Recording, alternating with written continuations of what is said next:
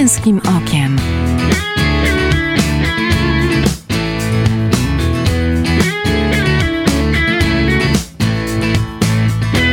Zapraszam Michał Bondyra. Jeśli chcesz naprawić świat, to idź do domu i kochaj swoją rodzinę, mówiła święta matka Teresa z Kalkuty. Dziś o tym, jak e, jako faceci powinniśmy wzmacniać swoje małżeństwa, ale i relacje z naszymi dziećmi. Wzmacnianie obu ogniw da nam gwarancję dobrej, szczęśliwej, kochającej się rodziny. Zapraszam na pierwszy w tym roku Męskim Okiem. Nazywam się Michał Bondyra i witam Was, drodzy słuchacze, w kolejnym odcinku Męskim Okiem. Moim gościem e, telefonicznie jest dziś Andrzej Cwynar, ekonomista, który przez 18 lat pracował w instytucjach finansowych, lider edukacji finansowej Crown, trener Tatonet, lider ojcowskiego klubu, lider bibliodramy, nauczyciel naturalnych metod planowania rodziny, absolwent podyplomowych studiów nauk o rodzinie i, i pomysłodawca i założyciel Fundacji dla Rodziny, a przede wszystkim prywatnie mąż Roxany i tata trójki dzieci. Dzień dobry, panie Andrzeju. Dzień dobry, dzień dobry panu, dzień dobry państwu. Ostatnio byliśmy z żoną na Sylwestra yy, i powiem panu szczerze, uświadomiliśmy sobie, że odkąd od blisko 18 lat jesteśmy małżeństwem, Sylwester bez dzieci zdarzył nam się dopiero po raz drugi. Czy w naszych rodzinach brakuje czasu spędzonego przez męża tylko z żoną bez dzieci? Wie pan co? E, ja miałem z żoną w tym roku po raz pierwszy Sylwestra sam na sam bez dzieci. Może przebił mnie pan. no proszę. E, proszę pana, wydaje mi się, że nie do końca. E, wydaje mi się, że ważniejsze jest, żeby chcieć spędzić ten czas z żoną sam na sam. Aha. Sam na sam e, tego Sylwestra na przykład. E, jest kwestia zadbania o to i od te, o to, co jest pierwsze. No, pięknie powiedziała matka Teresa, najpierw żona, później dzieci. Aha. Jeśli będę chciał zadbać o ten czas z dziećmi, będę lepszym mężem, to na pewno będę lepszym tatą. Y, I niech pan sobie wyobrazi, że właśnie zburzył pan moje dwa kolejne pytania, ponieważ dokładnie o to chciałem zapytać, dlaczego i przywołać nie tylko matkę Teresę, ale też doktora Mieczysława Guzewicza, z którym ostatnio rozmawiałem i też to powiedział, że szczęśliwe małżeństwo jest fundamentem zdrowej rodziny. Y, to nie pytam, czy się pan z tym zgadza, bo to jest oczywiste, ale przejdźmy dalej, bo w tych naszych e, małżeństwach e, jest bardzo wiele problemów, takich jak wieczne przepracowanie, brak czasu. Mało tego, jak mamy ten czas, to też spotykając się z ojcami i w ogóle z małżeństwami, to też mówią o tym problemie, że nawet jak jest chwila czasu, to zżerają ten czas media społecznościowe, te komórki wszędzie, wszędzie obecne. Jak w tym wszystkim się nie pogubić i znaleźć dobry azymut dla naszego małżeństwa? Oj, to bardzo ważne i bardzo trudne. Wie pan, mi się wydaje, że e, naprawdę trzeba zwrócić uwagę na to, co jest pierwsze. Mhm. Co jest pierwsze, co jest kolejne. E, taka swoistego rodzaju priorytetyzacja. Jeśli wiem, co jest dla mnie ważne, to na to będę poświęcał i przeznaczał czas. Mhm. E, przeznaczamy czas na to, co jest dla nas istotne jeśli e, na serio traktuję żonę, na serio traktuję dzieci, znajdę dla nich czas. I wtedy nie będzie dla mnie problemu odłożyć telefon, wyłączyć komputer i po prostu z nimi ten czas spędzić. Ale właśnie, nie poświęcę się i spędzę wspaniałomyślnie czas ze swoją żoną, mhm. tylko po prostu będę chciał, będę pragnął tego. Serce mi będzie się wyrywało, bo będę takie miał nastrojone. No właśnie, bo jak coś poświęcamy dla kogoś, no to dla nas to jest jakieś wyrzeczenie. No ale tutaj, jeśli kogoś kochamy, to nie może być wyrzeczenie, tylko coś normalnego. Tak, ja bardzo nie lubię tego wyrazu poświęcę czas. Mhm. Prowadząc warsztaty dla ojców, między innymi o, o czasie, o, o zarządzaniu sobą w czasie, o właśnie tych priorytetach, zwracam na to uwagę, że jak mówimy idziemy do pracy, to mówimy mhm. idziemy do pracy. A jak mówimy idę, e, nie wiem, pobawić się z dzieckiem, to wchodzi czasami wyraz, ile poświęcić się, y, nie wiem, trochę czasu z dzieckiem, albo ile czasu powinienem poświęcić żonie, albo dzieciom, żeby było w porządku. Takie pytania się pojawiają.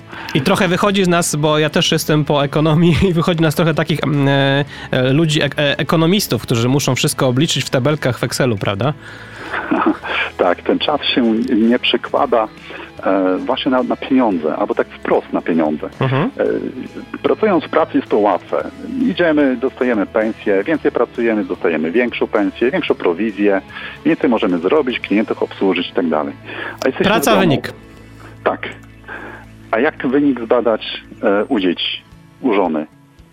Te same, nie wiem, rzeczy, te same czynności, gotowanie i pranie, jak, jak to zmierzyć? Może długotrwała inwestycja? Właśnie. Trzeba sobie uświadomić, że to jest długotrwała inwestycja. Ja ten czas nie marnuję. To jest bardzo ważne. Ja tego czasu nie marnuję, ja inwestuję. Mhm. Ja inwestuję w swoją rodzinę. Jest takie powiedzenie, że pewną ilość czasu trzeba oddać żonie, dzieciom. Trzeba po prostu. Mhm. I albo to zrobimy teraz, świadomie, dobrowolnie, albo zrobimy to później na przymusie, wyciągają nie wiem, dzieci z różnych trudnych, dziwnych miejsc, um, pomagając, wożąc na terapię, zajęcia itd. Tak mhm. Pewną ilość czasu po prostu trzeba oddać. Myślę, że ważne jest to uświadomienie sobie, że ja inwestuję. Ja inwestuję w swoją rodzinę, inwestuję w relacje, ona się zwróci. Może nie będzie to jak wprost linijnie wynik finansowy, a przynajmniej teraz, ale nawet później to i ekonomicznie się będzie opłacać. Mhm.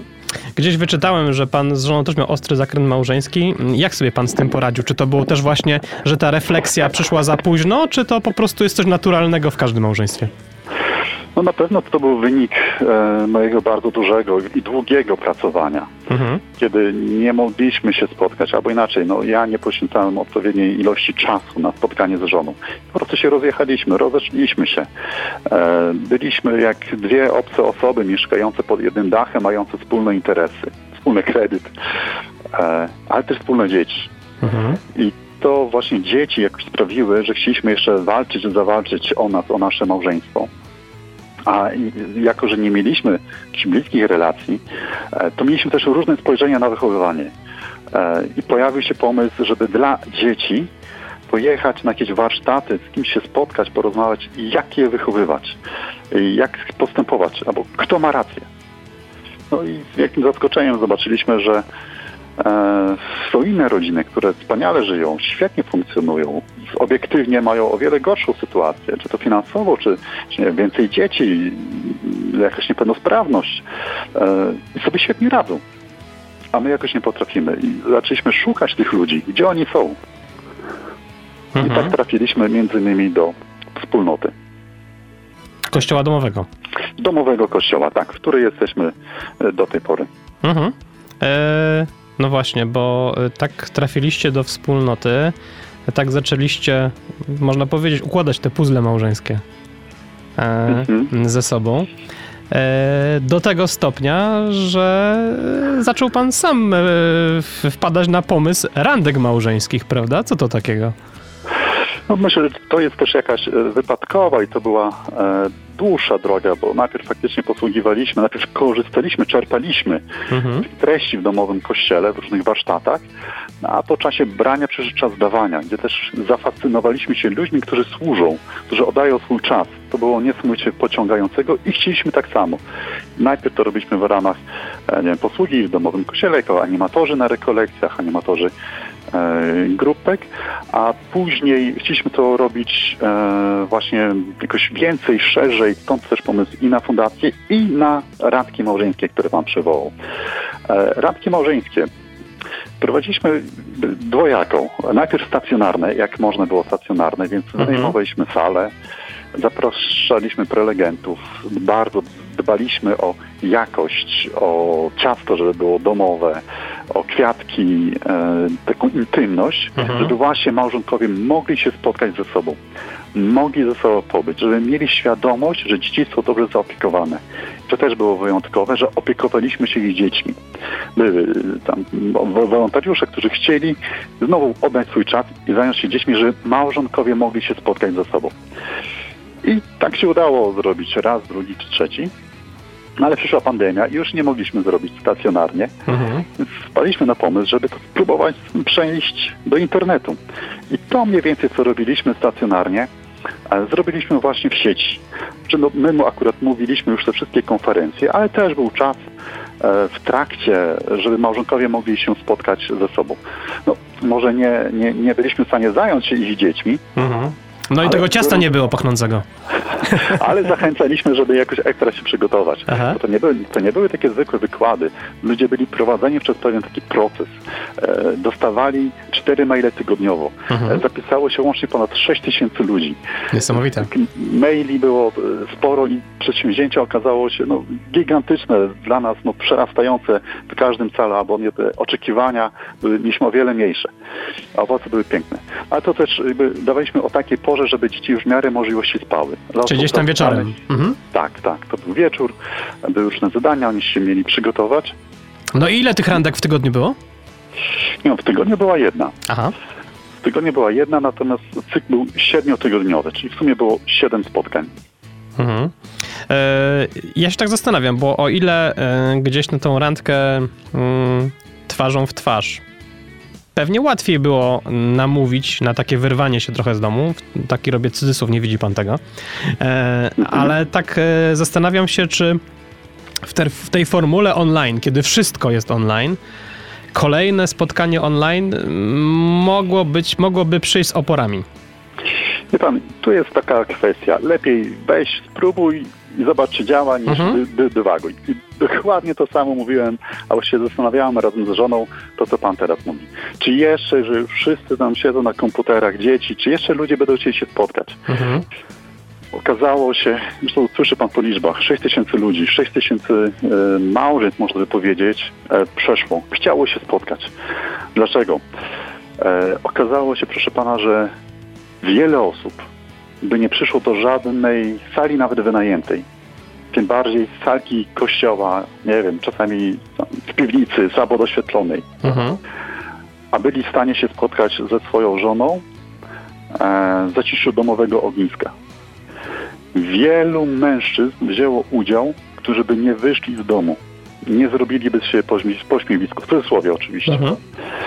E, z- usłyszeliśmy, dostaliśmy wiele, wiele, wiele świadectw, że brali udział e, głównie mężczyźni, ale osoby, które, e, których tych temat, jakby dbania o małżeństwo był całkowicie obcy, a zobaczyli, że można i zapragnęli robić coś więcej. Mhm. Mogę Czy, powiedzieć, czy były też takie spektakularne naprawianie na przykład gdzieś rozchodzących się małżeństw przez to? Może takie bezpośrednie e, nie. W randkach stacjonarnych to e, tak, dostaliśmy informację, że małżeństwo, które uczestniczyło w trakcie randek małżeńskich miało rozprawę rozwodową i na tą rozprawę pojechała już tylko jedna osoba powiedzieć, że sprawa jest nieaktualna. Super. Tak, takie rzeczy się Mhm. działy. No ale stacjonarny, e, przepraszam, ten internetowy mieliśmy taką sytuację, że jedna pani nam napisała, na pierwszą, e, tu oczywiście bardzo trudna relacja z mężem i tak dalej. Na pierwszą randkę mąż w ogóle nie przyszedł. Żona jego zaprosiła, on nie przyszedł. Na drugą randkę e, przyszedł, wyśmiał nas, a na szczęście tego nie słyszeliśmy. Zjadł kolację, którą przygotowała żona i nic się nie zmieniło. Na trzecią randkę a, przyszedł, posłuchał i był jakiś dialog. Dialog, Mhm. ona mówi, od lat. Był jakiś dialog. Nie tylko zdawkowe zdawanie relacji. Na czwartą randkę ten ów mąż mówił, wołał swoją żonę z kuchni, że już się zaczyna, żeby przyszła szybko. Kropla Tak, drąży skałę. Tak, tak, tak. I takie, takie procesy pozachodziły no, setki razy. Mhm. E, wspomniał pan o jednej chyba bardzo ważnej rzeczy i to rzeczy, do, co do której mam od dłuż, dłuższego czasu refleksję. Od wielu lat widzę, że ludzie zatracają umiejętność cierpliwego słuchania. Wszyscy są nastawieni na nadawanie, a nie na odbiór. I to dotyczy też małżeństw. Krótko mówiąc, brakuje tego dialogu.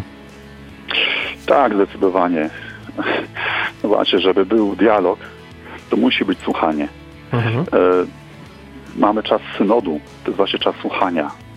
Nadajemy, telewizor nadaje, internet nadaje, YouTube nadaje, wszyscy słuchają, wszyscy nadają, mało Mhm. kto słucha. E, I w to wpadają małżonkowie dorośli, a to też padają dzieci. Ich Mhm. mało kto słucha. W szkole nie słuchają, rodzice nie słuchają. Komu może powiedzieć, komu może się wygadać? Tak, jak najbardziej. No tak, ale z E, tego co mówimy, to e, zaczęliśmy od tego w ogóle, że najważniejsze jakby w tej gradacji e, rodziny jest to, żeby było małżeństwo odpowiednie, czyli ten dialog małżeński jest podstawą do późniejszych dialogów. Tak, oczywiście. Oczywiście. Trzeba, trzeba, trzeba posłuchać, trzeba wysłuchać. Pan, ja przez lata pracowałem w sprzedaży. Mhm. Pierwszą zasadą sprzedaży to słuchaj. Przede wszystkim słuchaj. Co klient chce, czego oczekuje. Jak wysłuchasz i usłyszysz, to wiesz, co możesz mówić, zaproponować, zaoferować, jak dostosować produkt, uszyć. To, to jest no, to samo niemalże. Mhm, mhm. No właśnie, ale promuje pan też e, dialog małżeński jako warsztat. Tak, podczas wakacyjnych wyjazdów już od kilku lat organizujemy wyjazdy dla całych, mał, dla całych rodzin, na których mówimy, wydaje się, o podstawowych rzeczach, jak rozmawiać. Aczkolwiek dla wielu osób jest to bardzo odkrywcze. Mhm. Ale tutaj też kładziemy nacisk, żeby zająć się dziećmi, zrobić dla nich zajęcia, żeby małżonkowie mogli usiąść przy sobie, potrzymać się za rękę, przytulić się do siebie. I, i, i prawda mówiąc, widzimy rzecz taką, że wystarczy małżeństwom em, wziąć dzieci na chwilę, stworzyć warunki spotkania się i oni bardzo chętnie lgną do siebie. Naprawdę jak młodzi, młodzi narzeczeni, jak młode małżeństwo lgnie do siebie, wpada sobie w ramiona. Mhm. Na, na zakończenie tej części, którą głównie poświęciliśmy tym kwestiom małżeńskim, e, drodzy słuchacze, nie martwcie się, na pewno będzie w drugiej części dużo o relacjach e, ojcowsko-synowskich, ojcowsko... E, i ojca z córką, tak to powiem, żeby to ładnie zabrzmiało. E, to za, na zakończenie zapytam o to, jak ekonomista ekonomistę, śmialiśmy się, że, że, że e, obaj jesteśmy po ekonomii, e, jak wdrożyć takie sztywne zasady zero-jedynkowe, żeby wzmacniać naszą relację z żoną? Po pierwsze chcieć. Mhm. Jak chcę, znajdę sposób. Jedni szukają sposobów, drudzy szukają powodów. Jak chcę, to znajdę. Mhm. Dwa, pomaga grafik, rytuał, można by powiedzieć. E, to nawet nie, nie chodzi o to, że muszę się codziennie spotkać o, na określony czas. Oczywiście to jest świetne, ale chociaż plan tygodniowy zrobić. Jak nie spotykam się w poniedziałki, to spotykam się w środę. Wypracować coś indywidualnego. I znowu pytać się, pytać się żony, konie, jak byś chciała, jak to widzisz, co mogę zrobić. Wypracujmy razem, znajdźmy ten czas. Czy to będzie sobotnie śniadanie, czy to może możemy się spotkać w ciągu tygodnia na porannej kawie, wieczornym, nie wiem, chlebie z, z dżemem. Mhm. Jest okazja, żeby się spotkać, porozmawiać. A przede wszystkim chciejmy i pilnujmy się nawzajem, motywujmy się. Ja No. pilnuję cię, ty pilnujesz mnie. Nie, nie bez też takiego wyrzucania, jeśli nie wiem, ktoś nie może, komuś nie wyjdzie. Trzeba przebaczyć. Jeszcze raz, kolejny raz, kolejny raz. Znowu ta kropla drążysz skałę, to co mówiliśmy wcześniej. Dokładnie. To zróbmy chwilę muzycznej przerwy, po której wracamy do rozmowy z panem Andrzejem Cwynarem, ekonomistą, trenerem Tato.net, liderem ojcowskiego klubu, e, pomysłodawcą i założycielem Fundacji dla Rodzin, a prywatnie mężem Roxany i tatą trójki dzieci. Za kilka minut wracamy, zostańcie z nami. Męskim okiem.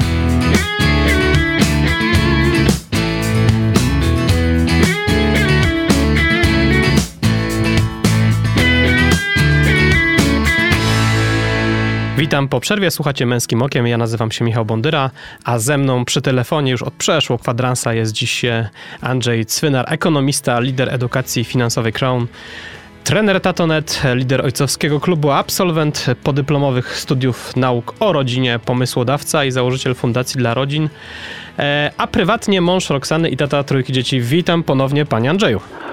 Witam ponownie, panie Michale. Dużo w tej pierwszej części, no właściwie cała pierwsza część była poświęcona temu, y, jak ważne są te relacje, jak ważny jest dialog w małżeństwie, y, jak ważne jest to budowanie y, tej siły związku małżeńskiego. Teraz chciałbym pogadać o ojcostwie. Co to dla pana oznacza być dobrym ojcem? Dobrym ojcem to być ojcem towarzyszącym, ojcem e, byciem w relacji, e, byciem blisko, Mhm. ojcem, który wspiera e, w rozwoju, czasami pokazuje kierunki, czasami pokazuje jak, a czasami stoi z boku i podpowiada jak, a czasami stoi z boku i się przypatruje, jak już młody człowiek sobie radzi. Mhm. Daje zrobić błędy. Konieczne. To jest konieczne, to jest trudne. Dla mnie to jest trudne. Pozwolić dziecku e, robić błędy, poparzyć się. Mhm. Kiedyś usłyszałem takie bardzo mądre zdanie, że właśnie powinniśmy dawać, powinienem dawać możliwość dziecku popełniać błędy. Ale zaraz rodzi się pytanie, no dobra, ale czy to ma jakieś granice? Oczywiście. Właśnie to jest to kluczowe. E, można wejść w akcję, można wkroczyć w sytuacji, gdy konsekwencje mogą być bardzo poważne, długotrwałe, odbijające się na zdrowiu fizycznym bądź psychicznym. Dopiero wtedy wydaje się, że można jakoś wkraczać e, i ratować w ostatniej chwili. Ja mam tendencję, żeby e, skracać szybciej. Mhm. To muszę się sam powstrzymywać.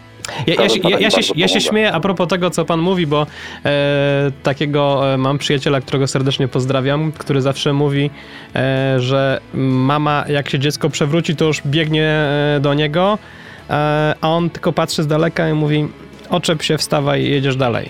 I, i jakby to jest, to jest ta różnica między nami, facetami, a, a kobietami, które są, boją się o każdy ruch dziecka, prawda?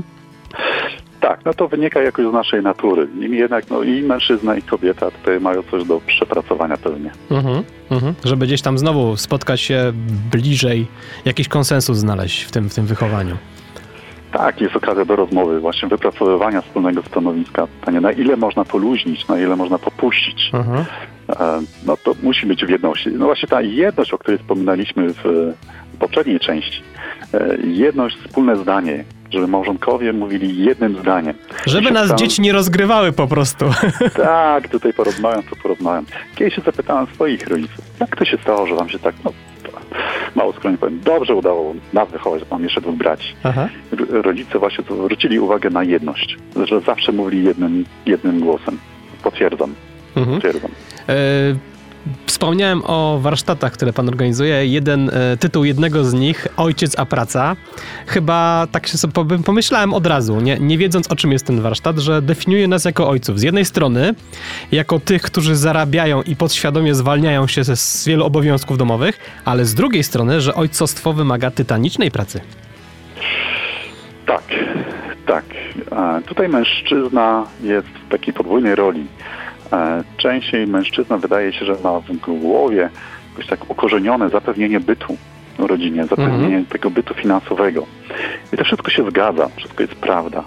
Przy czym też warto pamiętać, że ta praca i to zapewnianie bytu nie może odłączyć od rodziny.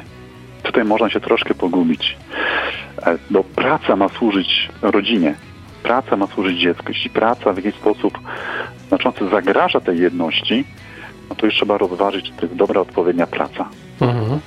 Oczywiście my nie możemy mieć jakichś kom, mm, wiem, kompleksów, zarzutu, że idziemy do pracy na 8 czy 10 godzin, czasami trzeba więcej. Nie, to jest też pokazanie dzieciom e, właśnie nauki pracy. To jest jeden też według mnie i mojej żony kluczowych, e, kluczowych rzeczy, to nauczyć dzieci pracy.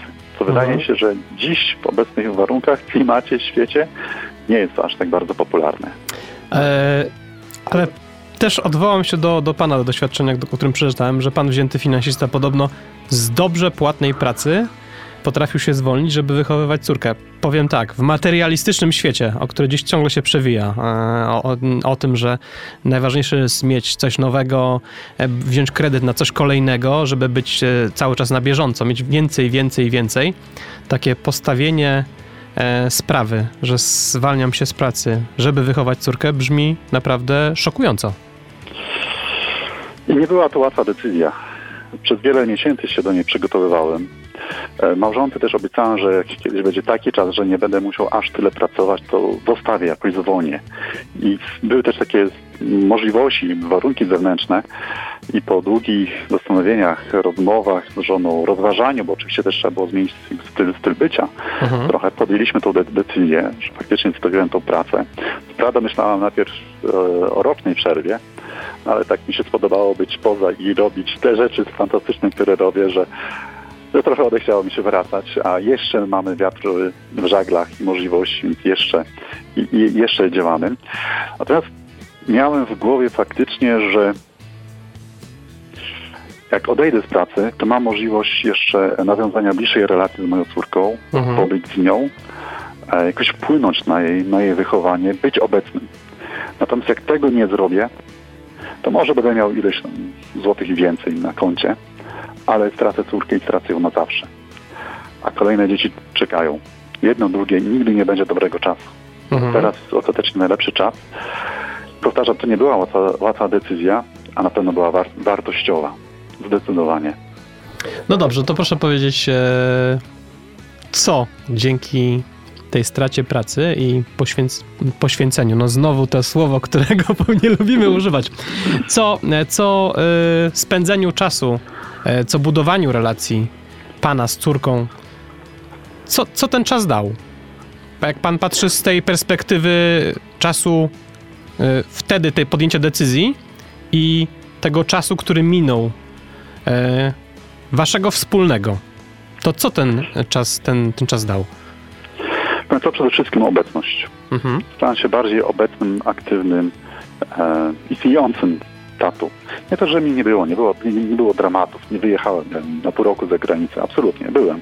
Byłem, byłem aktywny na tyle, na ile, na ile mogłem, ale mogłem wzią- wziąć więcej odpowiedzialności. E, po prostu towarzyszyć. Mhm. Chociaż już córka była nastolatką i aż tak bardzo by się okazało, że nie potrzebuje. Jednak dla mnie było zaskakujące, że ja nie umiem być. Nie, nie, nie mam aż takiej bliskiej relacji i, i, i to nie było łatwe wejść w jej świat, e, pobyć w nim, posiedzieć w jej pokoju, po, posłuchać przez dłuższy czas, złapać jakiś wspólny język, e, mieć jakiś wspólny temat do rozmowy. E, więc chociażby to, ten obszar.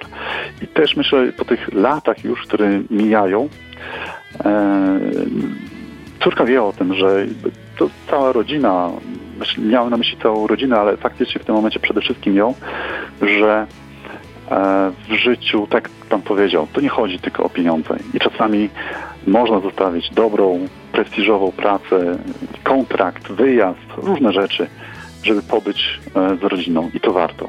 Tata to zrobił, zrobił to dla mnie. Mhm. Znów ta gradacja priorytetów w życiu. Dokładnie. Bardzo ważne jest, co jest pierwsze, co jest Mhm. drugie, co jest trzecie.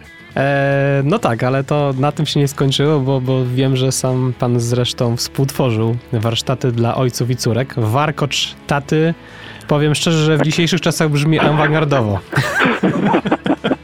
Wie Pan co, i tak to faktycznie było. E, tak, tak, tak. Wynajęliśmy fryzjerkę, zakład fryzjerski. Umówiliśmy się z chłopakami, że przychodzimy z córkami, e, żeby nauczyła... Akurat ja umiałem, mogę się pochwalić, robić warkocz, ale żeby właśnie fryzjerka nauczyła ojców robić e, warkocze swoim córkom. E, Przekomiczna była pierwsza historia, kiedy przyszliśmy już wszyscy przygotowani, córki usiadły pięknie, mm, przygotowane. Pani mówi, to proszę bardzo, podzielcie włosy na, na trzy części i wam pokażę, co dalej. Mhm. Okazało się, że panowie mają problem z podzieleniem włosów na trzy części, więc pani w pewnym momencie zrezygnowała, słuchajcie, nie będziemy robić warkocza, bo wydaje się, że jest za, za trudny dla was. Spróbujemy może od kłosa albo rozczesywać, jak rozczesywać włosy, tak. No Mhm. i tak było w tym kupie śmiechu. Ale znowu był czas, nie? Trochę wygłupów, trochę żartów, ale był tata, tata był uśmiechnięty, tata był zaangażowany. E, Faktycznie tam w gazecie się pojawiło. Są wspomnienia. Na- Zrobiliśmy filmik. Jest tata, jest tata. Nie? Mhm. Myślę, że to jest ważne. Jestem ważna. Właśnie w tym świecie, gdzie mało, mało y, nastoletnim okresie, kiedy dziecko szuka swojej wartości. Jest pytanie, czy jestem ważny, dla kogo jestem ważny, czy ktoś mnie pokocha. Jest tata, Mhm. który był, miał czas, posłuchał i trochę się powygłupiał. Relacje ojciec-syn, ja akurat mam dwóch synów y, i powiem to też z własnego doświadczenia, że buduje się taki w dosyć naturalny sposób. Podobne zainteresowania, łatwiej pewnie ojcu e, też dotrzeć do, do młodego mężczyzny, najpierw chłopaka, potem mężczyzny, który wyrośnie. E, Ja zapytam o te biwaki ojca i syna, bo wiem, że też są biwaki ojca i córki, ale o te biwaki ojca i syna. I zanim zapytam, e, jak je przeprowadzacie, to zapytam skąd pomysł na to, żeby coś takiego zrobić w ogóle. Mój syn w pewnym momencie zapisał się do skautów Europy, albo to był może jeszcze wiek, że myśmy jego zapisali, zachęcili Mhm. i bardzo jemu się spo- spodobało. Zresztą polecam skaucie Europy, rewelacja. Teraz jest córka już skautkach. Mhm. E, I chłopak wracał z spotkań brudny, e, zabłocony, e, zmęczony i szczęśliwy. I opowiadał, jak to palił ognisko, jak próbowali coś przyrządzać na ognisko, jak nie wyszło ja, i różne takie rzeczy. I mi się włączyła taka mała trochę zazdrość. Jejku, ja też bym tak chciał. A akurat szefem, czyli Akelą, był dorosły mężczyzna. Nie tam, nie wiem, chłopak dwa lata starszy, ale dorosły mężczyzna. Mhm. I zobaczyłem, że mój syn te piękne, wielkie przygody przeżywa z innym facetem. Myślę, o nie, zróbmy coś, to poszedłem właśnie do tego Akeli, szefa, i mówię, słuchaj, naucz mnie tych rzeczy, bo ja chcę pokazywać swojemu synowi, jak, jak rozpalić ognisko. Mhm. Ja chcę pokazać synowi, jak zdobywać wodę. Zróbmy to, zróbmy coś razem. I stąd był pomysł na pierwszy biwak, e, gdzie właśnie tata z synem e, spędziliśmy ze sobą czas, rozbicie namiotu, rozpalenie ogniska, zrobienie łuku własnoręcznie, strzały własnoręcznej i tego typu rzeczy. Tak się, tak się zaczęło i później pomysł został rozwinięty, jakoś udoskonalany. Ale trwa do dziś. Się stąd, trwa do dzisiaj. Właśnie zaczęło się stąd, że chciałem być w tym świecie. Chciałem, żeby mój syn ze mną przeżył te wspaniałe przygody. Mhm. I to też jest coś takiego, to jest że czasami tata myśli, zarobię pieniądze, wyślę jego na świetne, świetny obóz, świetne, nie wiem, będzie świetny trener. Mhm. Jak prowadzę warsztaty ojcowskie, pytam się, słuchajcie, panowie, powiedzcie mi wasze wspomnienie, kiedy poczuliście się mężczyzną. Inicjacja męskości. Kiedy to było? I prawie, no chyba nikt, nikt, jeszcze nikogo nie spotkałem, kto by powiedział, że jakiś świetny wyjazd, nie wiem, do tam, Disneylandu. Nie, Mhm. to były proste rzeczy. To był biwak, namiot, e, auto, m, nocka pod chmurką. I właśnie na tych biwakach chcemy zrobić takie proste rzeczy, żeby ojciec z synem pobył. Pobył, posłuchał. My tam mamy oczywiście cały program, mamy pogadankę dla ojców, mają dzieci swoją zabawę, mamy grę tenerową, mamy zajęcia sportowe, ale mimo wszystko bardzo dbamy o to, żeby miał tata czas z dzieckiem. Z synem przede wszystkim, bo od nich się zaczęło Mhm. i zaczęliśmy robić też z córkami. Że w programie jest wręcz, że tata ma jakieś 2,5-3 godziny czasu spędzić. I też wyganiamy z obozowiska. Idźcie razem, z nikim się nie spotykajcie, to ma być wasz czas. Pojedźcie, a też nie przebodźcujcie. Tu pojedziecie tam, nie wiem, będziecie teraz po sklepie łazić. Absolutnie, nie? Macie iść, być ze sobą. I wszystkie rzeczy robicie razem. Razem. Mhm. E, absolutnie się z tym zgadzam, co pan mówi. E, Miło mi. ale, ale jakby to, już jak zapraszając do, do studia, wiedziałem, że się będę zgadzał. E, kolejny warsztat, który pan prowadzi, znowu e, intrygująca nazwa, Siedem sekretów efektywnego ojcostwa. E, Co to znaczy być efektywnym tatą? Bo nie będziemy zgradzać wszystkich siedmiu sekretów, no po to są te warsztaty, żeby tam e, samemu sprawdzić, ale jakby e, samo, sam termin efektywny tata. Kim jest efektywny tata? Efektywny tata to jest tata trochę bardziej, e, bardziej sprawny, jeśli by można tak powiedzieć. Może też taką krótką genezę. Mhm. E, Ken Canfield, Stany Zjednoczone, robił badania. Chciał zbadać, co się dzieje, że pewni ojcowie mają miano ojców lepszych i pewne miano, e, są pewni ojcowie, którzy mają miano takich przeciętnych, normalnych. I właśnie poprzez takie różne aspekty, różne zmienne, których było około 50, wyszło, że jest takich siedem kluczowych. I ci efektywniejsi ojcowie, ci tak zwani lepsi ojcowie, którzy byli wskazywani przez nauczycieli, kościół, em, miasto, no jakoś tak obiektywnie, pokaż mi fajnego ojca, ej, idź tam, to ten, to ten. I z nimi były przeprowadzane wywiady. Nie, co robisz takiego? Zostało właśnie wskazanych siedem obszarów, które pokazywały, że tutaj ci ojcowie są gdzieś lepsi, bardziej sprawni, bardziej zaangażowani. Zdradzę jeden. Tak jak pan powiedział, żeby nie o wszystkich mówić, ale my już my sami o nim mówiliśmy. Ak tata słucha. Jest cały temat aktywne słuchanie. Jak słuchać? Tata efektywny to jest tata słuchający. I oczywiście jest kilka technik, które warto zwrócić uwagę, e, żeby być tym tatą słuchającym. Jak zadawać pytania, jak przyjąć pozy, jak stworzyć e, warunki do słuchania. I tego między innymi się uczymy, czy przekazujemy tą wiedzę podczas warsztatów 7 sekretów efektywnego ojcostwa, mhm. które może tutaj też zareklamuję. Jest to e, patronowane przez Tatonet, organizację też oczywiście, którą polecam, czyli są warsztaty stacjonarne i głównie te stacjonarne się odbywają, chociaż pojawiają się też wersji online. Mhm. na tej kanwie właśnie e, rozwijamy, rozwijam e, biwaki. E, biwaki, żeby był ten czas na posłuchanie, czas na pobycie. Być, być blisko jest czasem ważniejsze niż robić nawet najbardziej kreatywne rzeczy. E, tak. tak, widzę to też z własnego doświadczenia.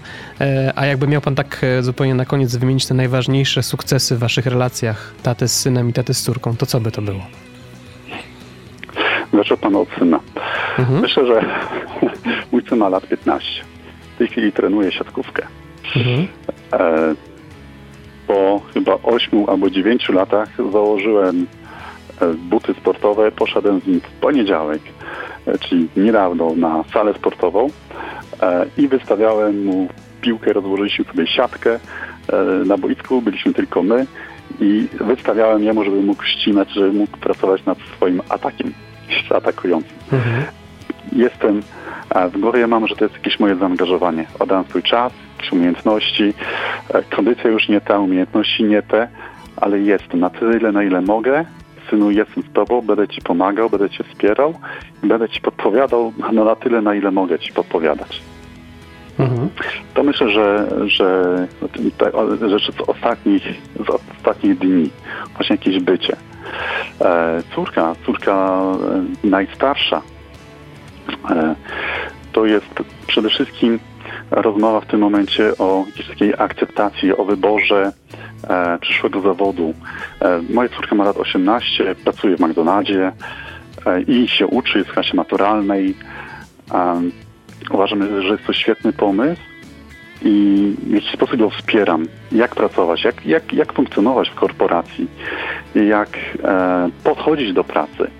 I tutaj staram się być e, w relacji takim, nie wiem, coachem, trochę menadżerem, e, podpowiadając, e, co dalej z jej pracą, rozwojem, czego się nauczyła, jak to może wykorzystać w swoim życiu. I mam jeszcze jedną córkę, lat 9. To jest inny wiek, jest jeszcze, jest jeszcze dzieckiem bardziej. To jest bardziej przebywanie. Bardziej przebywanie, mhm. bardziej zabawa, bardziej rozmowa, uważanie na zajęcia dodatkowe ale też już motywowanie, wspieranie, budowanie wartości. E, dasz radę, jak się czujesz, e, praca na emocjach. Koleżanki mm, to się pokłóciły, to się pogodziły, to, to jest kilka razy dziennie, zwrot akcji. E, I staram się w tym być, jakoś tłumaczyć. Spinając tę naszą rozmowę, bo czas nas goni niemiłosiernie, chociaż moglibyśmy pewnie przegadać jeszcze ładnych kilka godzin, e, to tak się zastanawiam, że zarówno w tych relacjach małżeńskich, jak i na linii tata-syn, tata-córka, fundamentem w Pana działaniu, to nie wybrzmiało, ale, ale wiem, że tak jest. E, w Pana działaniu jest Bóg. I co ciekawe, ten sposób waszego działania też chętnie przyjmą ci, którzy tego Boga nie wierzą. Tak. E, działamy w sposób uniwersalny, chociaż fundamentem, motorem zdecydowanie jest Pan Bóg. E, no, gdyby nie On, pewnie by nas nie było, to nie, nie bylibyśmy razem. E, staramy się słuchać i, i robić dzieła Boże, właśnie bardziej niż, niż, niż dla Boga. E, dalej jesteśmy we wspólnocie, dalej też działamy dla wspólnoty, organizujemy rekolekcje. Natomiast ważne jest dla nas, żeby to były takie działania preewangelizacyjne. Mhm. Bardzo kładziemy duży nacisk na to, żeby zapraszać ludzi z przedsionku kościoła. e, niedzielnych katolików, e, trochę obrażonych, trochę letnich, e, albo nawet niewierzących. Tacy też się zdarzają na wyjazdach, warsztatach czy rekolekcjach nawet, które organizujemy.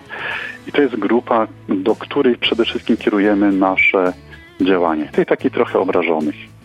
E, Na naszych wakacjach, tych dialogach czy warsztatach o wychowywaniu jest ksiądz. I też te osoby mogą zobaczyć księdza normalnego, mądrego, słuchającego. E, Bywają głębokie, długie spowiedzi po wielu latach. E, Dla nas jest to ogromna radość. Przede wszystkim właśnie kierujemy te nasze działania przede wszystkim do osób, które nie są jakoś mocno zaangażowane. E, Dla nich jest dużo rzeczy i oni prawdopodobnie pobędą, będą ze sobą dalej, razem, lepiej, gorzej, ale nie odejdą od siebie, będą dbali, dbali o dzieci, wspólnota im pomoże. Ale osoby, które się w jakiś sposób pogudzi, pogubiły, są na skraju przynajmniej bycia ze, ze sobą, e, to przede wszystkim zapraszamy. Dlaczego? Bo sami tacy byliśmy. Sami 14 lat temu przez to przechodziliśmy, nie wiedzieliśmy, że są takie miejsca, gdzie można znaleźć. Ja nie słyszałem o tym na ogłoszeniach parafialnych. I dzisiaj wiele robimy, żeby właśnie usłyszały te małżeństwa. Jeśli chcesz, zawalczysz, są sposoby, są narzędzia, spróbuj, bądź wytrwały. Zrób co możesz w miejscu, w jakim jesteś, w czasie, jaki został ci dany, z tymi zasobami, jakie masz. Coś zrób, zrób ile możesz. Są te warsztaty, dialogi, rekolekcje, Kurzkrauna. E, Zapraszam oczywiście na stronę internetową dla rodziny. Tam te rzeczy są wymienione, są świadectwa, są filmy. E, I mamy nadzieję, że e, no właśnie, pani pokaże jakiemuś zimnemu panu, zobacz, fajnie, pojedźmy nad morze. To też staramy się robić rzeczy takie dość atrakcyjne po świecku. Wakacje nad morze, żeby można tam było pojechać. Zimy, góry, blisko nart żeby można było łączyć jedno drugie. Nawet jak nie będą chcieli przyjechać, posłuchać, to chociaż skorzystać. A to zostaje. Ta atmosfera, to jak ludzie funkcjonują, to jest inny świat. To bardzo słyszymy. No myśmy, myśmy tak dali się zapać, albo zostaliśmy zapani przez Pana Boga e, i takie coś kreujemy i promujemy dalej. Panie Andrzeju, dzięki serdeczne za tę rozmowę, za poświęcony czas, no i za to, co, co Pan robi. Bardzo dziękuję, miło mi było z Panem porozmawiać. Dziękuję Państwu, że chcieli Państwo wysłuchać. No i oby do zobaczenia na którejś z rzeczy, którą nie wiem, organizujemy. Ale też warto się rozejrzeć, bo w oku naprawdę dzieje się dużo dobrego. Tylko trzeba zechcieć poszukać, popatrzeć się. Kochani ojcowie, e, do ja się tylko do tego apelu mogę dołączyć. E, moim Państwa gościem był dziś Andrzej Cwynar, ekonomista, trener Tatonet, lider ojcowskiego klubu, lider e, bibliodramaty, absolwent podyplomowych studiów nauk o rodzinie, pomysłodawca i założyciel Fundacji dla Rodziny, a prywatnie mąż Roxanny i tata trójki dzieci, a teraz Dire Straits Brothers in Arms, po którym wracamy do Męskim Okiem. Męskim Okiem.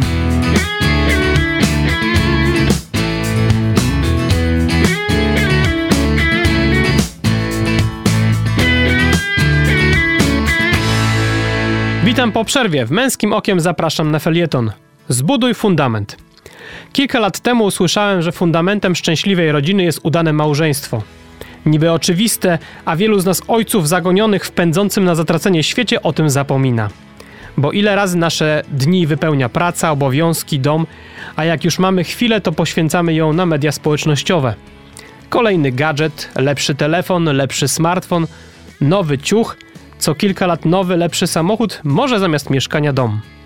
A wszystko to jako efekt tytanicznej, często kilkunastogodzinnej pracy wspartej kredytem, który potem trzeba spłacać przez dziesiątki lat.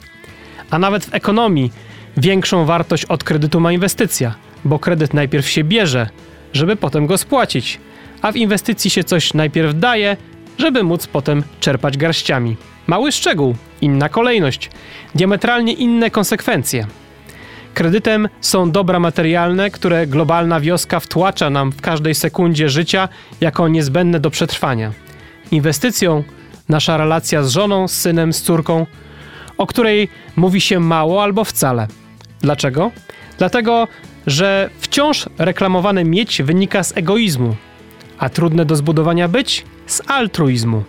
Ale ten altruizm w budowaniu naszych relacji małżeńskich szybko daje nam wysoką stopę zwrotu szczęście. Bo szybko przekłada się na szczęśliwą relację nie tylko z żoną, ale i z dziećmi. A nie ma nic bardziej wartościowego w życiu niż kochająca żona i dzieciaki. Fundamenty, których nic nie skruszy. Ale żeby tak było, trzeba sobie odpowiednio ustawić życiowe priorytety. Zmienić hierarchię wartości i co ważne, możesz zacząć to robić już teraz. Warsztaty dla małżeństw, randki małżeńskie, kluby dla ojców są dostępne prawie w każdym dużym mieście. Poza tym, może warto wreszcie wykorzystać internet nie tylko do jałowej rozrywki, ale też do czegoś wartościowego? Za dzisiejszy odcinek Męskim Okiem dziękuję realizujący program Eryk Kotys i mówiący do Was te słowa Michał Bondyra. Męskim Okiem słyszymy się za dwa tygodnie. Męskim okiem.